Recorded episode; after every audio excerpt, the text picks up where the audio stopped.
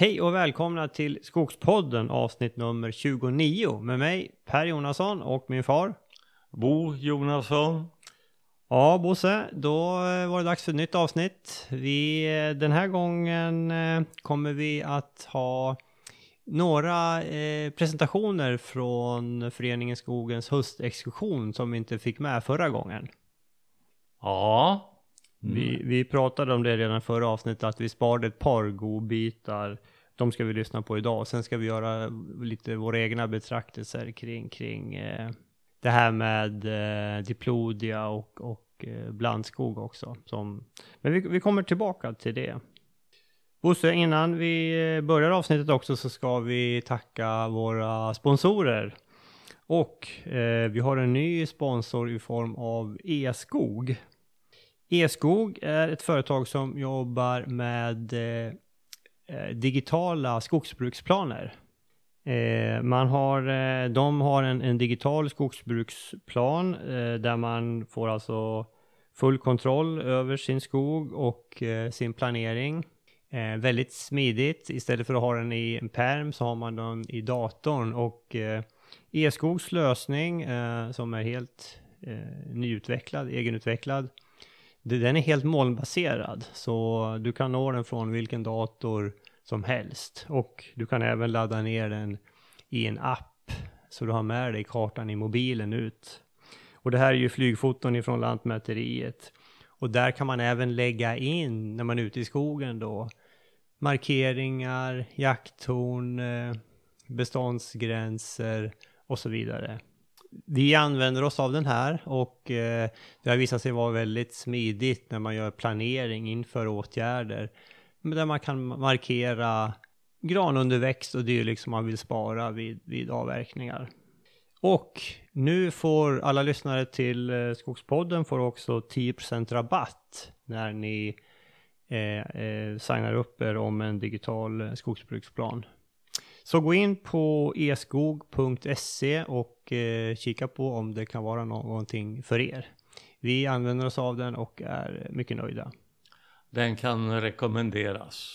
Ja, in och kika på eskog.se om den passar för er också. Och glöm inte att ange koden Skogspodden så har ni 10% rabatt. Sen ska vi också tacka vår andra sponsor Husqvarna. Husqvarna är som ni känner till den ledande tillverkaren av utomhusprodukter såsom eh, motorsågar, röjsågar, trimmers, häcksaxar, gräsklippare med mera.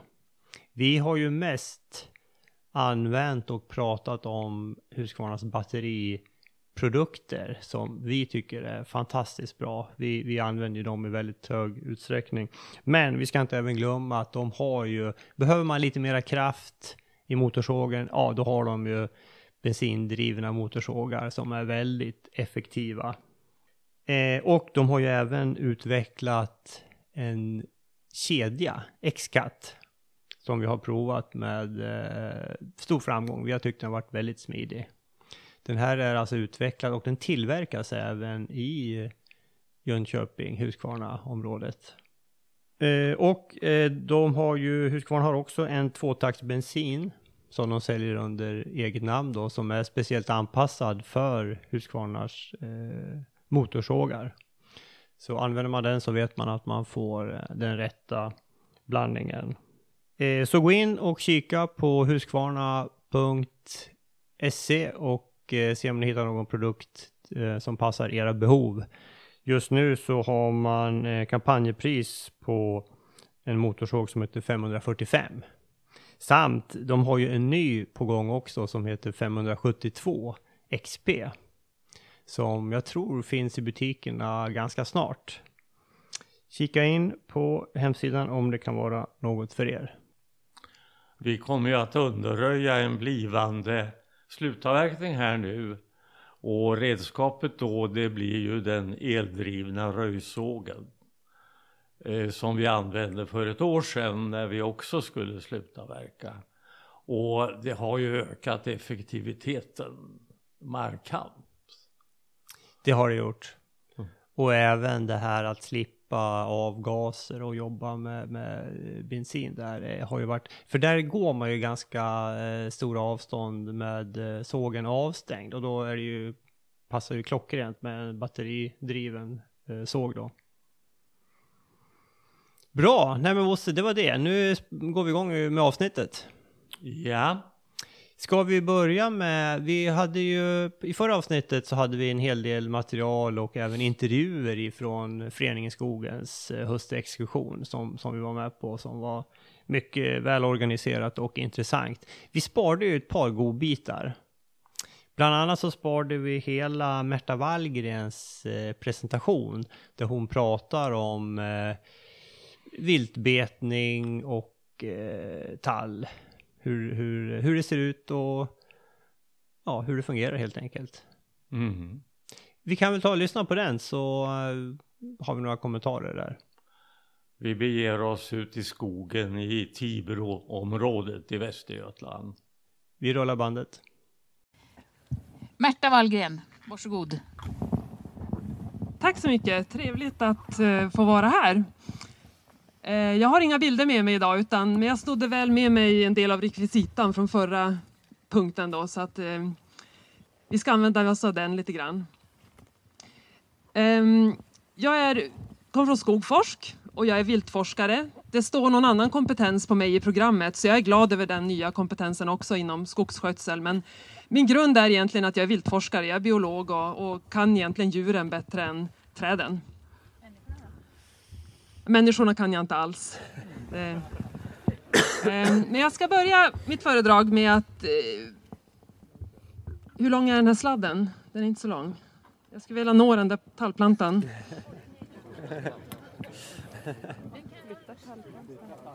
Ja, bra. Det, det, gick, det går bra.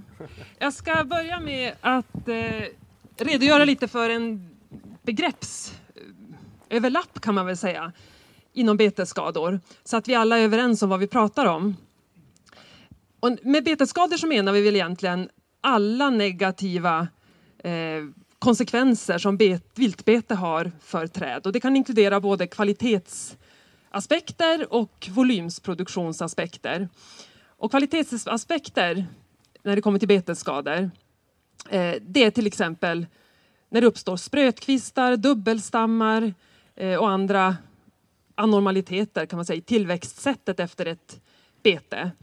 Och nu har vi den här fina tallen här som modell och den är ju inte betad. Men det som brukar hända vid viltbete oftast är att toppskottet betas. Och när toppskottet betas då upphör den apikala dominansen heter det. Eh, tall är så att det, det är det här toppskottet som är dominant och kommer fortsätta växa om det inte skadas på något sätt. Så kommer det få en sån här rak fin form. Men när det betas Eh, då kommer någon av de här sidoskotten att ta över och bli det nya toppskottet. Till exempel det här, det kommer resa sig upp och ta över som ett nytt toppskott och då får vi en, en ja, förändring i växtfibrerna i tillväxtsättet som gör att med tiden så kommer det här kommer det se ut som alla de här tallarna. De kommer att kompensera och räta ut och valla över skador. Eh, men inuti veden så kommer det finnas en, en böj i träfibrerna. Eh, och det här, samma sak kan också hända om man har stambrott. Stambrott brukar klassas som när stammen bryts under första grenvarvet, så det är alltså här nere. En annan kvalitetsnedsättning är när träden barknagas. Med tiden så vallas de här barknagen också över, men det kan bli svarta strimmor inuti veden. Och det är i stort sett de kvalitetsnedsättande skadorna som man brukar prata om. Sen har vi volymsförluster sa jag också. Och volymsförlusterna kommer av att en stor del av den här gröna biomassan, barrbiomassan, betas bort. Och då är det ofta också kombinerat toppskottsbetning och sidoskottsbetning. Eller om tallarna har blivit så höga att djuren inte längre når toppskotten. Eh, då är det kanske mer omfattande sidoskottsbetning. Men när tallarna förlorar en stor del av sin gröna barrbiomassa så har de inte längre förmågan att fotosyntetisera på samma sätt som de skulle ha gjort och kan därmed inte tillväxa i samma utsträckning. Och inom forskningen så skiljer vi ganska ofta på kvalitets och volymsförluster. Eh, kvalitetsförluster är någonting som vi har ganska bra koll på. Det finns rätt mycket data och, och, man kan följa träden, man kan spåra tillbaka i tiden också och se vilka år som olika, eh, olika beten har inträffat och, och så. Men volymförlusterna är betydligt svårare att utvärdera. Där har vi inte lika bra koll idag. Så därför gör vi ofta en skillnad mellan det här. Eh, tall är ju, av våra kommersiella träslag så är ju tallen betydligt smakligare än gran. Och betesskador på tall uppstår ju oftast vintertid.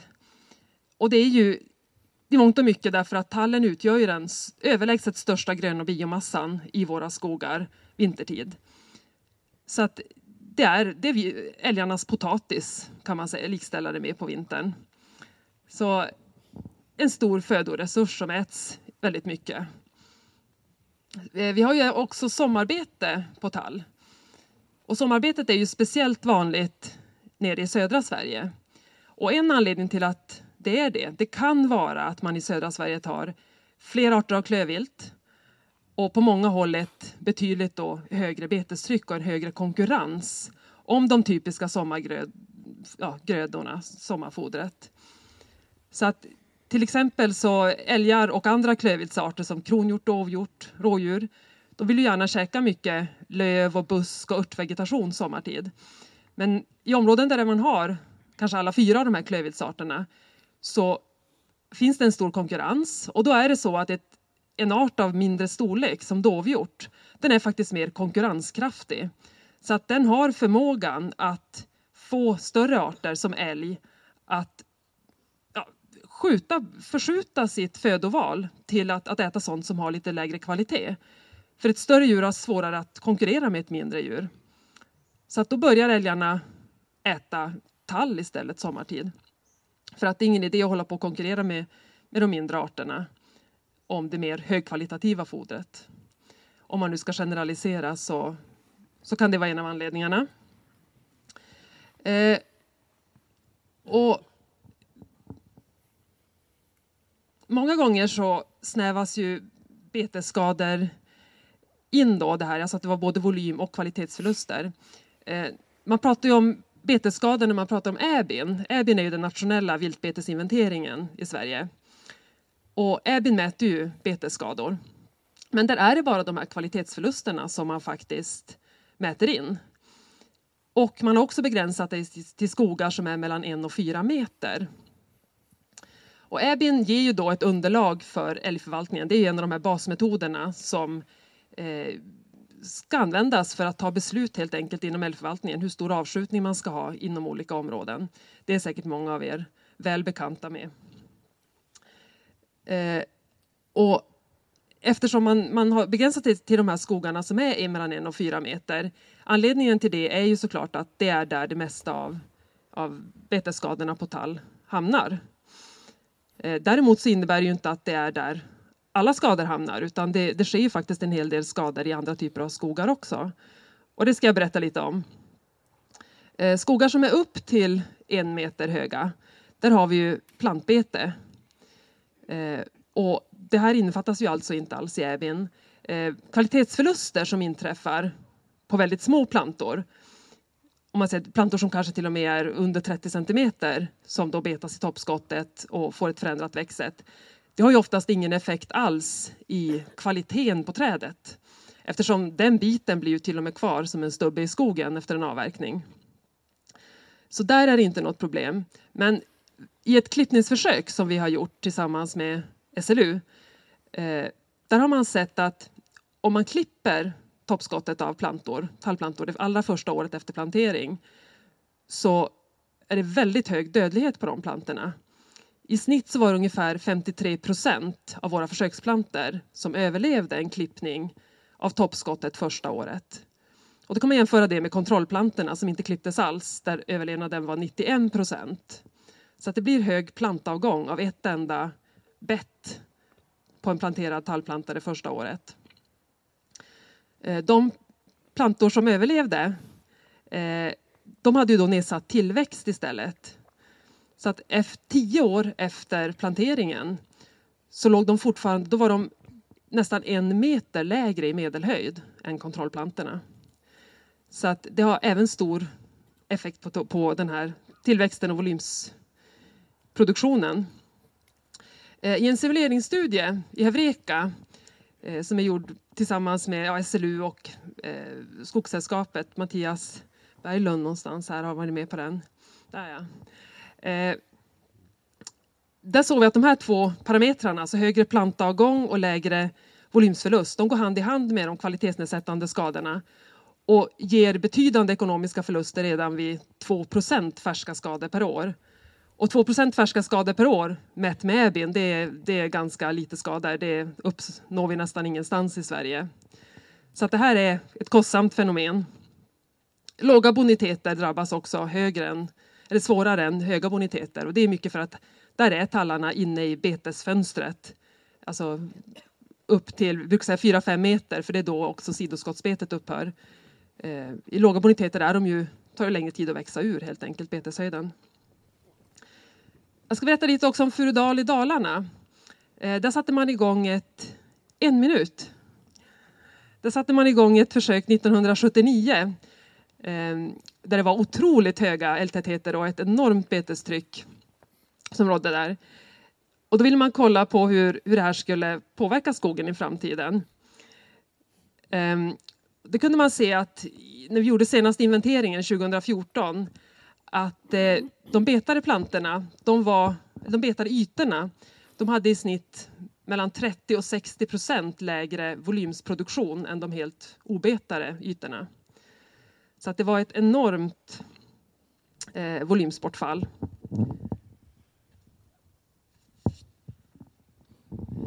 Och eh, jag måste få en extra minut, för jag måste göra också en liten klargörande från, från förra... Eh, vi har ju satt upp ett nytt försök då på Skogforsk eh, tillsammans med skogsbruket och det var det försöket som omnämndes här på förra punkten. Eh, att eh, det kommer ta 30 till 40 år innan vi får fram resultaten. Som Urban Nilsson hade sagt. Urban sitter med i, i referensgruppen här men eh, det är ett skogforskförsök, inte ett SLU-försök. Och eh, där har vi ju satt igång det här ganska nyligen så att vi har ju inte några preliminära resultat riktigt ännu. Vi har kollat lite grann på datat. Det är ju bara de första åren efter plantering nu som vi kan titta på. Eh, och vi ser ju att plantbetet är ju väldigt, väldigt mycket högre i Götaland än vad det är norröver. Och det här tror vi beror på delvis att det finns mer rådjur längre söderut. Eh, men också att uppe i norr så är plantorna täckta. Det är ett längre och djupare snötäcke längre in på eh, över längre period på året som gör att antagligen skyddar de här allra minsta plantorna. Så det kan ju möjligen motverka då en del av det här eh, lägre boniteterna och de, den lägre tillväxten i norr. Jag ska prata lite snabbt om ekonomi också. Ehm, det är väldigt svårt att räkna ekonomi på det här och det är i huvudsak av två anledningar. Dels saknar vi fortfarande bra data över volymsförlusterna, vilket gör att vi, vi kan räkna på kvalitetsförlusterna, men vi har, det är väldigt osäkert på ett stort mörkertal hur mycket vi förlorar i produktion. Eh, vi behöver inte kanske vänta 30 till 40 år innan vi kommer få fram resultat, utan vi kan göra lite modeller längs vägen. Men så småningom så kommer vi att, att få ett facit för Eh, det här försöket är utspritt också över landet så vi kommer se hur mycket volymsförluster vi får i olika delar av landet. Den andra anledningen är också att det finns en rad olika ekonomiska modeller i omlopp eh, som gör att alla kan vara rätt men man gör vissa antaganden i de olika modellerna och där måste vi sätta oss ner tillsammans med forskning och både inom vilt, vete och skogsproduktion för att komma överens om vilken eh, vilken modell vi ska använda och så att alla räknar på samma sätt så det blir jämförbara siffror. Jag ska avbryta där. Ehm, jag hade en sak till som jag skulle säga, men om någon av er frågar det, då kan jag ju dra det då utan att moderatorerna blir, blir arga på mig. Så om någon snälla kan fråga vad man ska göra åt det här. Eh, alltså, det är... Applåd. Du är inne på lite grann av det som jag funderar på, som jag funderat på länge egentligen. Just det här hur, hur exakta och hur detaljerad kunskap behöver vi för att liksom börja agera på detta på ett sätt så att det händer någonting. För att vi, vi pratar väldigt mycket om det här. Vi mäter, tycker jag, väldigt mycket i skogen. Och vi mäter och vi mäter. Och vi vet att vi har mycket älgskador. Och så lär vi oss mer om vad det blir för skillnad i volymproduktion och så vidare. Men sen är det ju då, hur får man att hända i verkligheten? Har du någon tanke på det? det, var det du ville, den frågan ville du ha, va? Ja, ungefär. Ja. Ja, om man ska göra det väldigt enkelt så, så kan man ju säga, vi vill få det här att hända i verkligheten, att vi vill få mindre skador. Så skjut mer vilt. Och, Ja, eller hur? Ja, eh, och sen hur man nu genomför det å andra sidan, det, det är ju också en fråga. Men att komma en bit på vägen där, för mycket av diskussionen kring betesskador handlar ju om huruvida man ska skjuta mer vilt eller skapa mera foder. Det är ju lite av en het potatis. Och där brukar jag säga många gånger att ja, men egentligen så är det inte så himla svårt. Det är en vanlig kvot. Man har en viss mängd föda eh, och man har en viss mängd vilt. Och i täljaren så har man då födan och i nämnaren så har man viltet. Och vill man få mindre betesskador då kan man antingen öka mängden föda eller mängd, minska mängden vilt och det leder till samma sak. Men den där pedagogiken, jag vet inte, den, den eh, har inte funkat så bra under de sju, åtta år som jag har varit på Skogforsk. Men, eh, så vi har inte, som du säger, det, det har inte hänt så mycket. Men jag tänker så här att det, egentligen så, så är det inte så himla enkelt. För att ett problem är att det här med, med födan. Eh, födoval och betesekologi är oerhört komplext. Det har skrivits hyllmetrar. Eh, det har forskats hur mycket som helst världen över om betesekologi. Och för oss att producera mera foder och tro att det ska ge ett, ett, ens ett rimligt utbyte i form av minskade betesskador, alltså det är jätte, jättesvårt att nå dit. För djuren tar in, jag ska inte ens gå in på det, men det är otroligt mycket som de väger in i sina födoval. Och därför så är det betydligt enklare att tänka sig då att om vi skjuter ett djur eller fem djur, de där är det ju mera definitivt. De djuren kommer ju absolut inte äta någonting till vintern. Så att det, det är en, en bättre metod. Och det här behöver vi ja, få fram.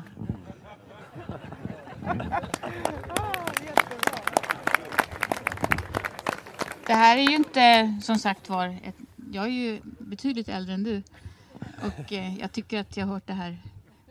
Det som man kan fundera på, alltså hur, för det, vi behöver ha en bättre balans mellan fodret och viltet. Det, det tror jag alla är överens om.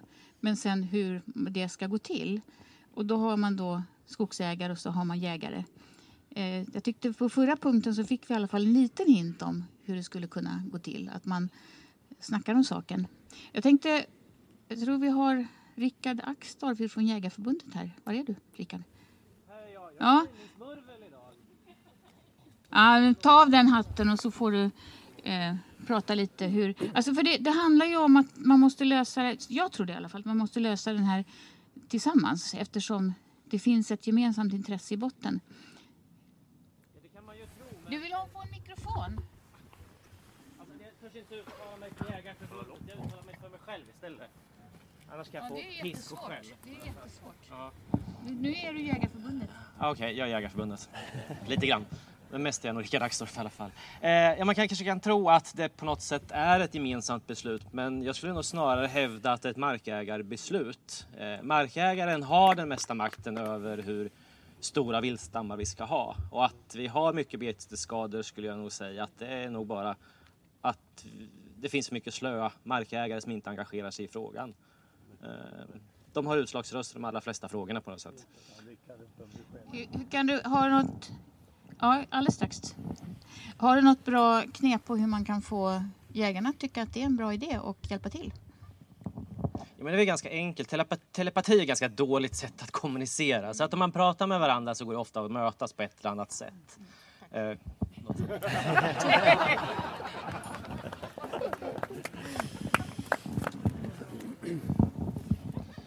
Ola Andersson, skogsägare utanför Nybro. Och eh, det här är den punkten som jag åkte hit för. Jag är enormt intresserad av det här med viltproblematiken. Jobbat med det under 21 år och väntat på din fråga länge. Vi har så enormt mycket fakta bakom, men varför agerar vi inte? Eh, vi, jag sitter då som skogsägare. Jag är också ordförande i ett älgskötselområde som är markägarstyrt. Och vi har under åtta år sänkt stammen med ungefär en tredjedel. Vi har, är så lyckligt lottade så vi har fantastiska jägare. Jägarna är helt inne på markägarnas sida, skjuter för att få ner stammen. Vi har långt kvar. Vi ska ner ytterligare en tredjedel innan vi når balans. Går från 13 älgar, ligger idag på 8-9 per tusen hektar, ska ner till 4. Men det här går bra så länge vi får vara i fred. Men vi har några stycken, och jag lutar mig lite mot Monica, Svenska Jägarförbundet, centralt och på länsnivå som till varje pris vill sätta stopp för oss.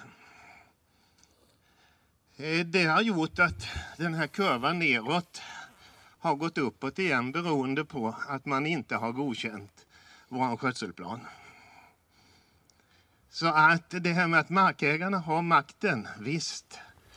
Sen var det ytterligare en episod som hände här för något år sedan när ett antal markägarrepresentanter gick med på att skriva ett kontrakt med eh, Jägarförbundet om att markägarna skulle vara väldigt restriktiva med att utnyttja sin utslagsröst. Det har slagit hårt emot en hel del älgskötselområden och gjort att vi har många fler älgar och mer skador. Tittar jag bara på vårt område så har vi, och närliggande områden, har vi ackumulerade skador som ligger på mellan 75 och 90 procent på tallen. Vi har färska skador, om jag då räknar in försommarbetningen också, som ligger på över 20 procent. Du nämnde acceptabelt är kanske 2. 2,85 brukar man säga. Ja. Och vi ska ha ackumulerade max 30. Men jag kan inte för mitt liv begripa hur kan politiker, Svenska Jägarförbundet med flera acceptera det här. Hjälp oss. Tack.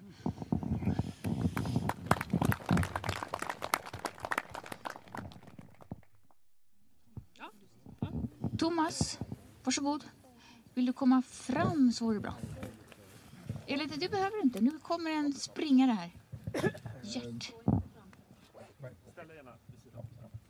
Eh, jag, jag jobbade väldigt mycket med, med de här älgproblematiken när jag var på Skogsstyrelsen och vi tog fram Äbin och vi jobbade med med utredningar kring, kring älgproblematiken. Och det vi inte tänker på, jag hörde någon som liksom svarade att oj, ska de komma ner till fyra älgar per tusen hektar? Det går ju inte. Va? Men tänk på det att i Sverige så skjuter vi mer älgar per år än man gör i resten av världen sammanlagt. Va?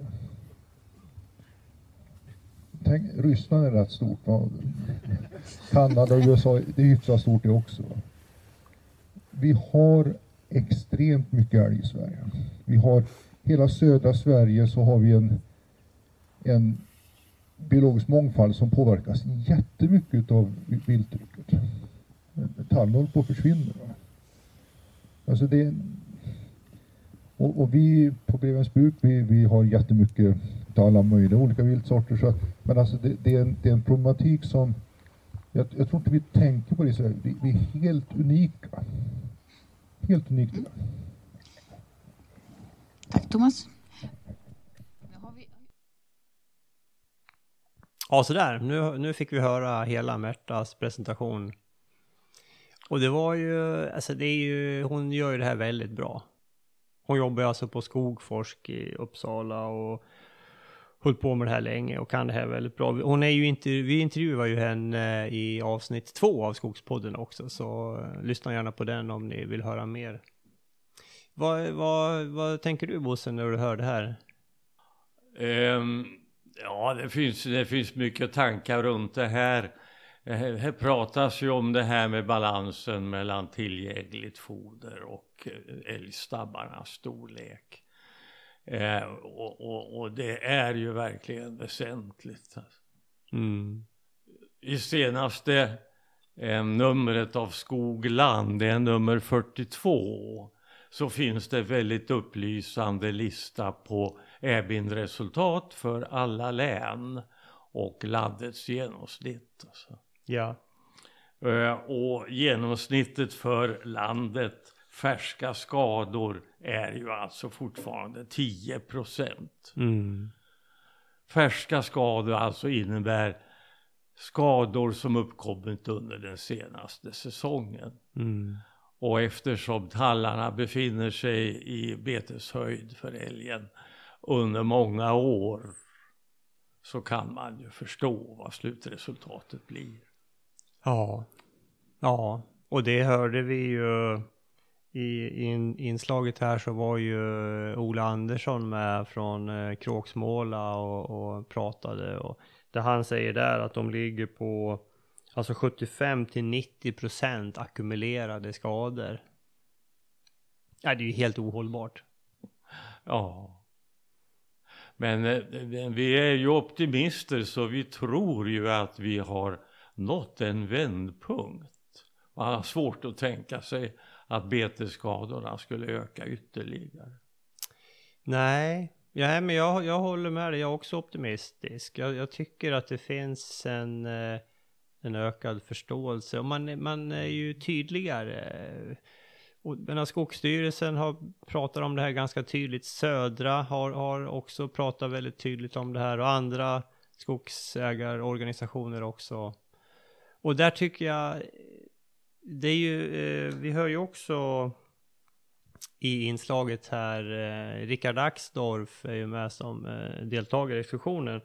Han säger ju så här att det är ju grundproblemet är ju ofta att det är slöa markägare som inte engagerar sig.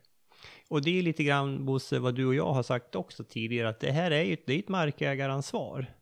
Det är ju vi som måste eh, säga ifrån, det är ingen annan som kommer göra det. Nej, nej och, och tänk på alla markägare att det här, det här är ett, ett ägaransvar man har. Man kommer inte ifrån det. Alltså. Och i, i det långa loppet så, så är det äganderätten och som, som är på tapeten. Alltså. Ja. ja. Vi ska ju alltså naturligtvis inte glömma, det gäller ju att ha eh, väldigt, ett, ett bra samarbete med eh, jägarna lokalt. Och det är ju precis det, det Ola Andersson säger också, att de har ju ett väldigt bra samarbete lokalt med jägarna. Ja, ja. Um, man ser det ju där som ett gemensamt intresse. Ja. Och egentligen så är det helt självklart att det är på det viset. Visst är det det. Ingen vill ha skogar där rönnen, säljen och aspen är nerbetat till blåbärshöjd. Nej. Och just det, den graden av hårdbetning, det finns det väldigt mycket av i åtminstone södra Sverige. Mm. Visst är det så. Ja, nej men eh, jag tycker det här var ett väldigt bra inslag. Eh, lyssna på det. Och Eh, Ola Andersson från Kråksmåla nämnde vi. Vi intervjuade ju honom i avsnitt 24.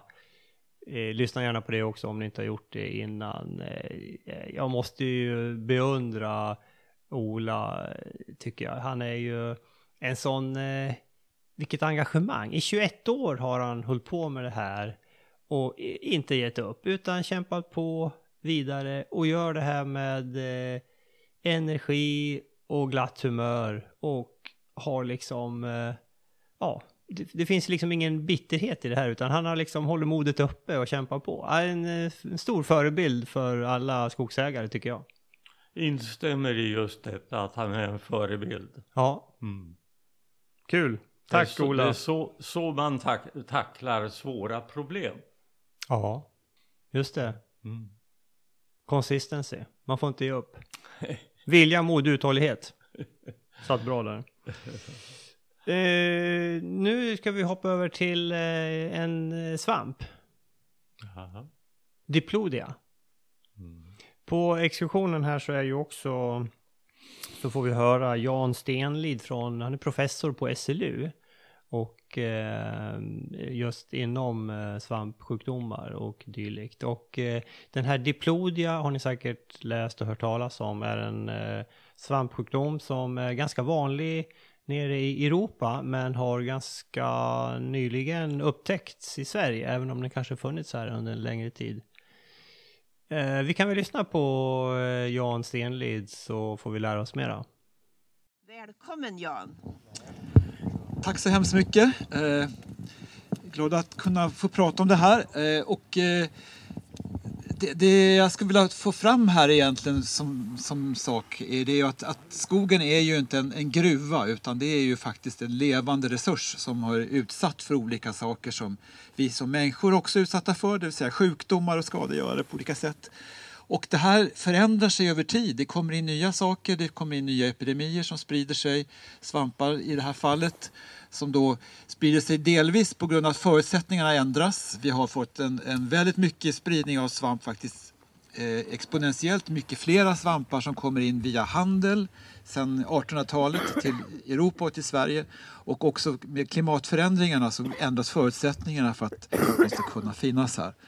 Och den här diplodiasvampen, eh, vi gillar ganska eh, lite varmare väder, lite torrt och varmt väder gillar svampen och det, det också ger en viss stress hos träden med torka och vilket gör förutsättningar för att den ska kunna sprida sig. Och vi har gjort lite klimatscenarier eh, här och eh, kan vi se de här gröna delarna här, det visar områden som är, är, ganska dåliga för svampen. Men där finns goda förutsättningar. Där nere är, det lite rött och eh, rosa och det här vita på kartan är sånt där det är okej. Okay. svampen kan enligt de här beräkningarna då eh, modelleringen finnas. Och man kan ju se att i, historiskt sett så har vi haft en situation där diplodiasvampen kanske har kunnat trivas lite grann i södra Sverige, i Skåne och så vidare. Nu i dagens läge så ligger vi här någonstans att förutsättningarna är hyfsat bra uppe i Mälardalen. Och framöver så kommer vi kunna tänka oss att förutsättningarna går längre, längre norrut i Sverige. Så, så, har, så har det sett ut med förutsättningar. Och då för... Ja, man kan få kanske lite hjälp att få ner... Jag ska se vad nästa bild blev här nu. Vi har, eh, ja, eh, i fjol då eh, så en av våra medarbetare, Jonas Oliva, han eh, gör som vi alla andra, åker bil på vägarna. Men han har ögonen med sig.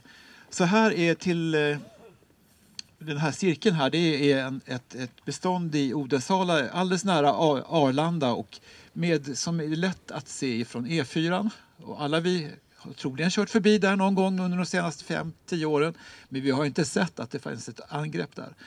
Han hade ögonen med sig och han såg det och det var ett ett, på den här platsen då. Och där eh, så, så eh, ja. Vad, vad som händer är att, att skotten på, på tallen dör och nu hade du kanske en bild på det som vi kanske skulle ha visat för här. Men vi kan ändå fortsätta på, på den här bilden här för att eh, se, i, i det här området så ungefär hälften av tallarna som vi undersökt tallbestånden hade svagare angrepp. Eh, och när vi börjar titta de rapporter vi har fått in hittills, det att visar sig att, att det är faktiskt i, i, i Uppland, i det området, så har vi fått in, som ni ser, de här blå eh, prickarna är ställen där vi verkligen kunnat se den här svampen. Och sen har vi också kunnat se att den är spridd i, i södra Sverige, men även uppe i, i Los, i de trakterna, har vi fått eh, positiva rapporter idag då, att det finns den där angreppen. Så det här är någonting som har dykt upp på senare år och spritt sig mycket, mycket mer än vad vi har haft ögon för tidigare. Se om vi kanske kan ta nästa bild här.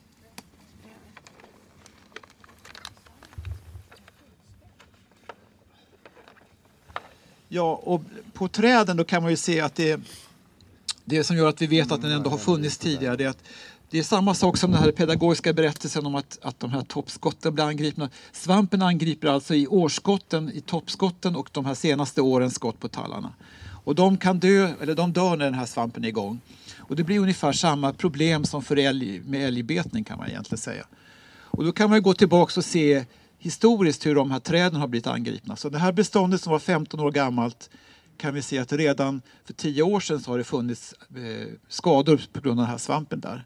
Och en del av träden har blivit angripna upp till fem, sex gånger så i stort sett vartannat år har de haft nya angrepp. Och de har ju då tappat i tillväxt har vi kunnat se också. Eh, så att en del av de här, eh, det finns en, en så att säga, genetisk komponent eller åtminstone att det finns en, spri, en ett eh, infektionstryck ifrån själva trädet som gör att de kan bli angripna gång på gång. Så det här är inget bra eh, utsikter för de enskilda träden. Vi ska se om vi kanske ska ta bild till här. Ja, men det var första bilden. Det var egentligen den vi skulle ha börjat med här, så ni har kunnat se hur det såg ut. Det kom lite oordning här. Eh, ja, jag vet inte om det syns där borta. Så att det, det här är, det påminner i, i utseendet om kanske lite grann åt greminiella-hållet eller knäckesjukeproblem på träd. Och det här gör att man måste gå in och titta efter de här sporerna som svampen gör. Då. Och det är egentligen på finare skala.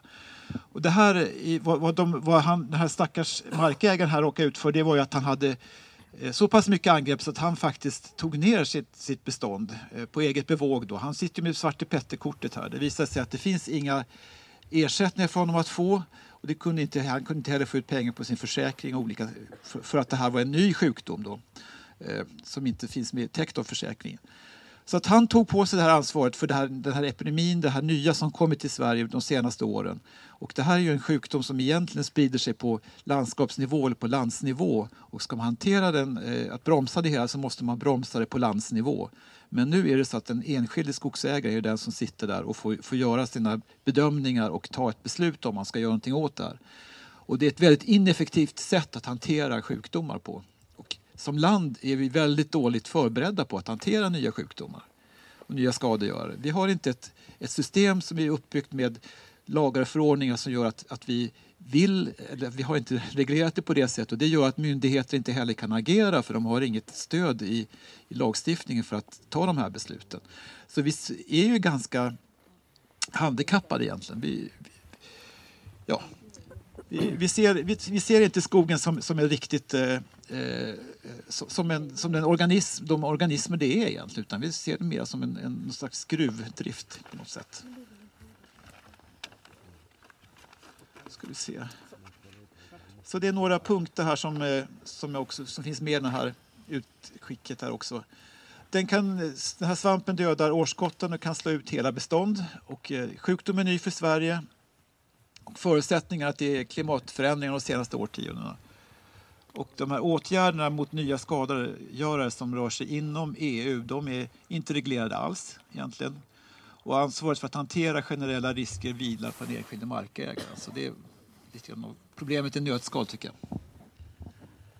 Jag vet inte, jag tror att jag ska öppna för frågor här. Det gör vi. Vi öppnar för frågor. Och vi har en bärbar mikrofon. Ni hörde Jan berätta om den här markägaren som stod i en etiskt svår situation och valde att ta ner hela det här beståndet, flisa och bränna upp det för att inte heter det, sporgömmen ifrån det här området skulle smitta av sig då på angränsande skogar. Och ja, generaldirektören i Skogsstyrelsen, varsågod.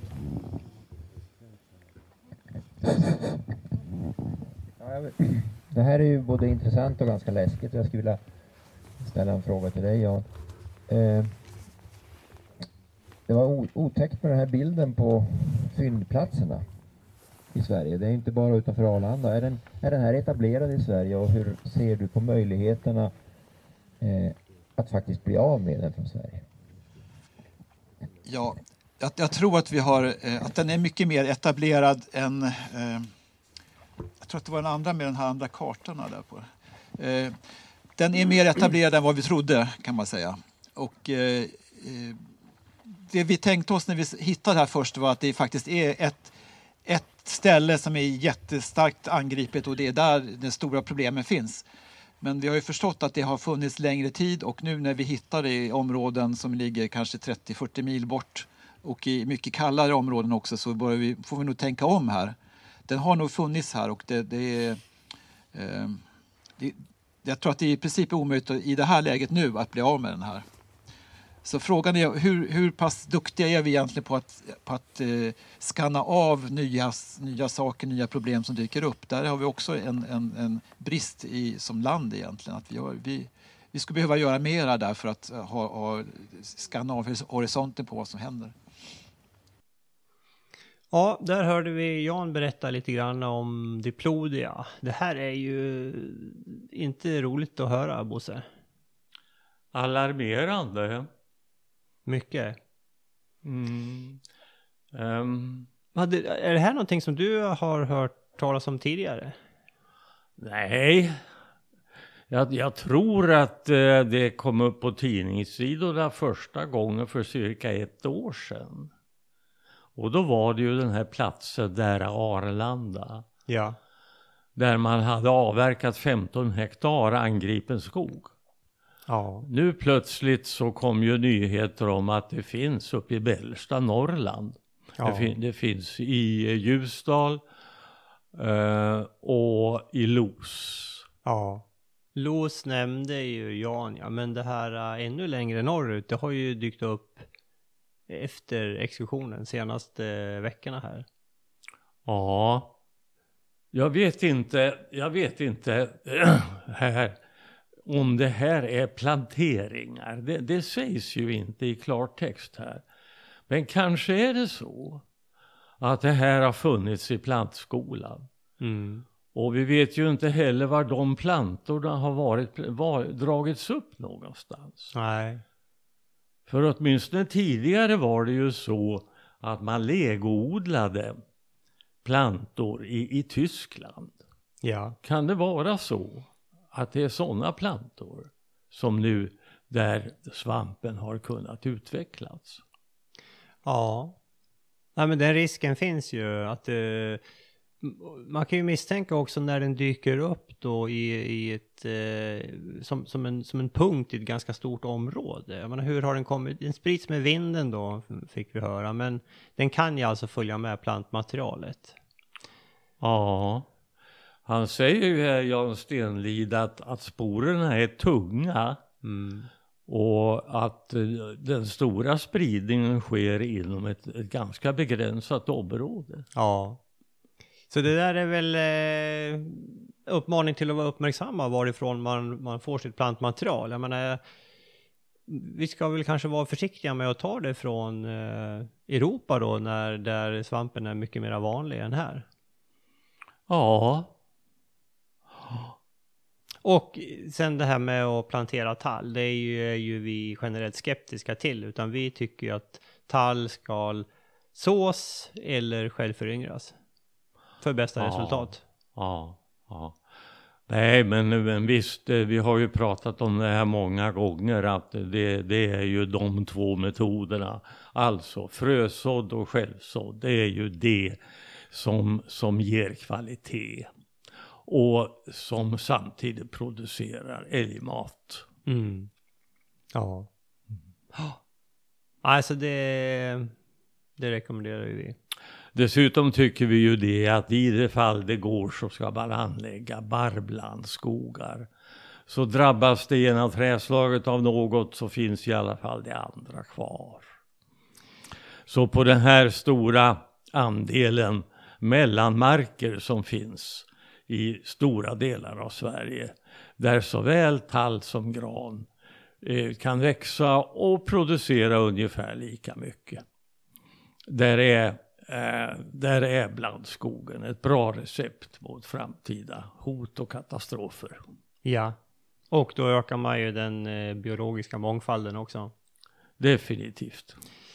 Bosse, du berättade ju att du hade ju något exempel på skogen här där ett av träslagen eh, gick, dog. Ja, ett lite roligt exempel. Eh, 1980 så slutavverkade vi ett område på G28, alltså en ganska bördig mark på Gusselborg. Eh, och sen skulle det där planteras två år senare då. Och då var det, då hade, var på den tiden vi fortfarande planterade barrotsplant, barrotsplantor. Eh, men vi var i övergångsskedet till det här med täckrot och på ett par utvalda ställen som planterades täckrotstall och täck, täckrotsgran. Varannan plantad tall och varannan gran. Mm. Och det lite ovanliga i det här fallet det var det att alla granplantorna dog. Eller nära nog alla granplantorna dog. Mm. Medan tallen levde och växte så fint. Ja. Den, de var välplanterade och de växte som lodlinjen rakt upp i luften. Och med klena grenar och fina grenvinklar. Och dessutom så undgick de älgbete. Mm. Eh, Vi försökte hjälpplantera granen men det misslyckades. Eh, Men granen behövdes inte där. Utan det här växte upp till en alldeles underbart vacker ungskog. Vi stamkvistade det. Det sista stamkvistades 2003, alltså vid cirka 20 års ålder. Och det står där nu och det är gallrat en gång. Och det är som man önskar att alla tallungskogar såg ut. Alltså. Ja. Det här var ett perfekt misslyckande. Och någon kanske frågar, men varför dog granarna? Ja, jag tror bara det finns en förklaring. Jag tror att de här täckrotsplantorna, de hade förvarats utomhus vid kyla. För barrträdens rötter tål ner till minus 10 grader. Mm. Sen dör de. Jaha. Det måste ha varit det i det här fallet. Alltså. Ja. För eh, tallen och granen kom ifrån olika plantskolor. Här. Ja, ja, ja. Mm. Just det. Men som sagt, granen behövdes inte, så det Nej. spelar ingen roll. Det var bara positivt. Och just i det här fallet så blev ju, jag menar du sa att eh, tallen planterades, men det, det blev eh, lyckat ändå. Absolut, och vi har ju exempel på, på det på skogen. Mm. När planteringarna går som bäst så, så blir det alldeles utmärkt. Alltså. Varför eh, föreslår vi sådd eller självföryngring av tall istället för plantering? Ja, Det har ju mycket med betestrycket att göra. Alltså 1983 då det här planterades, då var det måttlig älgbetning. Alltså. Och, eh, men situationen sedan dess har ju varit helt annorlunda. Så Alltså. det handlar ju mycket om att få upp ett högt eh, stamantal per hektar. Ja, Mm. ja. Eh, högt stamantal av, av tall och, och sedan planterade granar Ja. in, in ibland. Alltså. Ja. Men är det inte så Bosse också att en, en del planteringar av tall som, som, som vi har här bland annat, där tallen blir inte rak? Nej, jag tycker faktiskt att tallen är ett gåtfullt träslag. Till synes likartade förhållanden kan ge helt olika resultat. Mm. Ja, Men den behöver väl den här trängselverkan helt enkelt, som du får genom sådd och självföryngring. Du får ju inte den när du planterar. ja men visst är trängselverkan positiv, men just i det här fallet vi berättar om, där har alltså Mm. trängselverkan i stort sett inte funnits. Nej. Det blev bra ändå. Det blev bra i alla fall. Ja. Ja. Ja. Eh, Där har tallen uppfört sig ungefär som bra provenienser av lärk. Som inte behöver någon trängselverkan av betydelse för att växa rakt, småkvistigt och fint. Alltså. Mm. Det har vi exempel på mindre än 200 meter ifrån studion där vi sitter nu. Alltså. Ja, och men då är det alltså sibirisk eh, lärk, inte hybridlärk. Det är sibirisk lärk. Ja, just det. Ja, spännande. Det här Bosse, när vi ändå pratar om eh, tall och tallföryngring. Det var ju, du läste ju en grej till i det här temat. Ja, det är alltså Land skogsbruk nummer 42. Eh, det handlar om frösådd i Värmland. Han heter Göran Wikman och är tydligen skogsinspektor hos Mellanskog och figurerar i, i text och bild eh, i den värmländska skogen. Och eh, han eh, sår alltså med framgång. Mm. Mm. Kul. Mm. Nej men det här med, det, och ju även på eh, höstexkursionen var ju sådd uppe av eh, tall. Det börjar Ja. ju komma. Nu är ju, jag menar, har ni lyssnat, alla lyssnare på för, av Skogspodden är inte det här något nytt. Men eh, det är ju, det är kul att det skrivs om. Ja, Nej, men eh, vi tror ju verkligen på, på sådd. Och, och vi har under den tid vi har hållit på med det, att vi har väldigt få misslyckanden. Mm. Vi betraktar sådden rätt utförd som en väldigt säker beskogningsmetod. Ja. Men det kräver, det kräver lite kunskap och det kräver engagemang. Och att vara noggrann hela tiden. Mm. Det här att välja eh, fläcken där man lägger de här fröna är så viktigt alltså. En decimeter i sidled kan betyda skillnaden mellan misslyckande och succé. Ja, och, och, och markberedningen är ju viktig. Markberedningen är viktig. Och sen att man sår i den utsträckning det är möjligt i blekjord.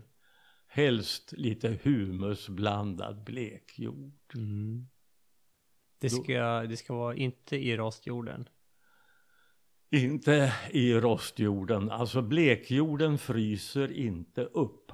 Nej. Och det är det som är skillnaden. Och därför ska markberedningen vara väldigt grund också. Helt rätt. Grundmarkberedning när man ska så. Mm. Bosse, vi har ju en markberedning på gång där. Berätta om hur, hur har vi förberett den? Ja, mm visst.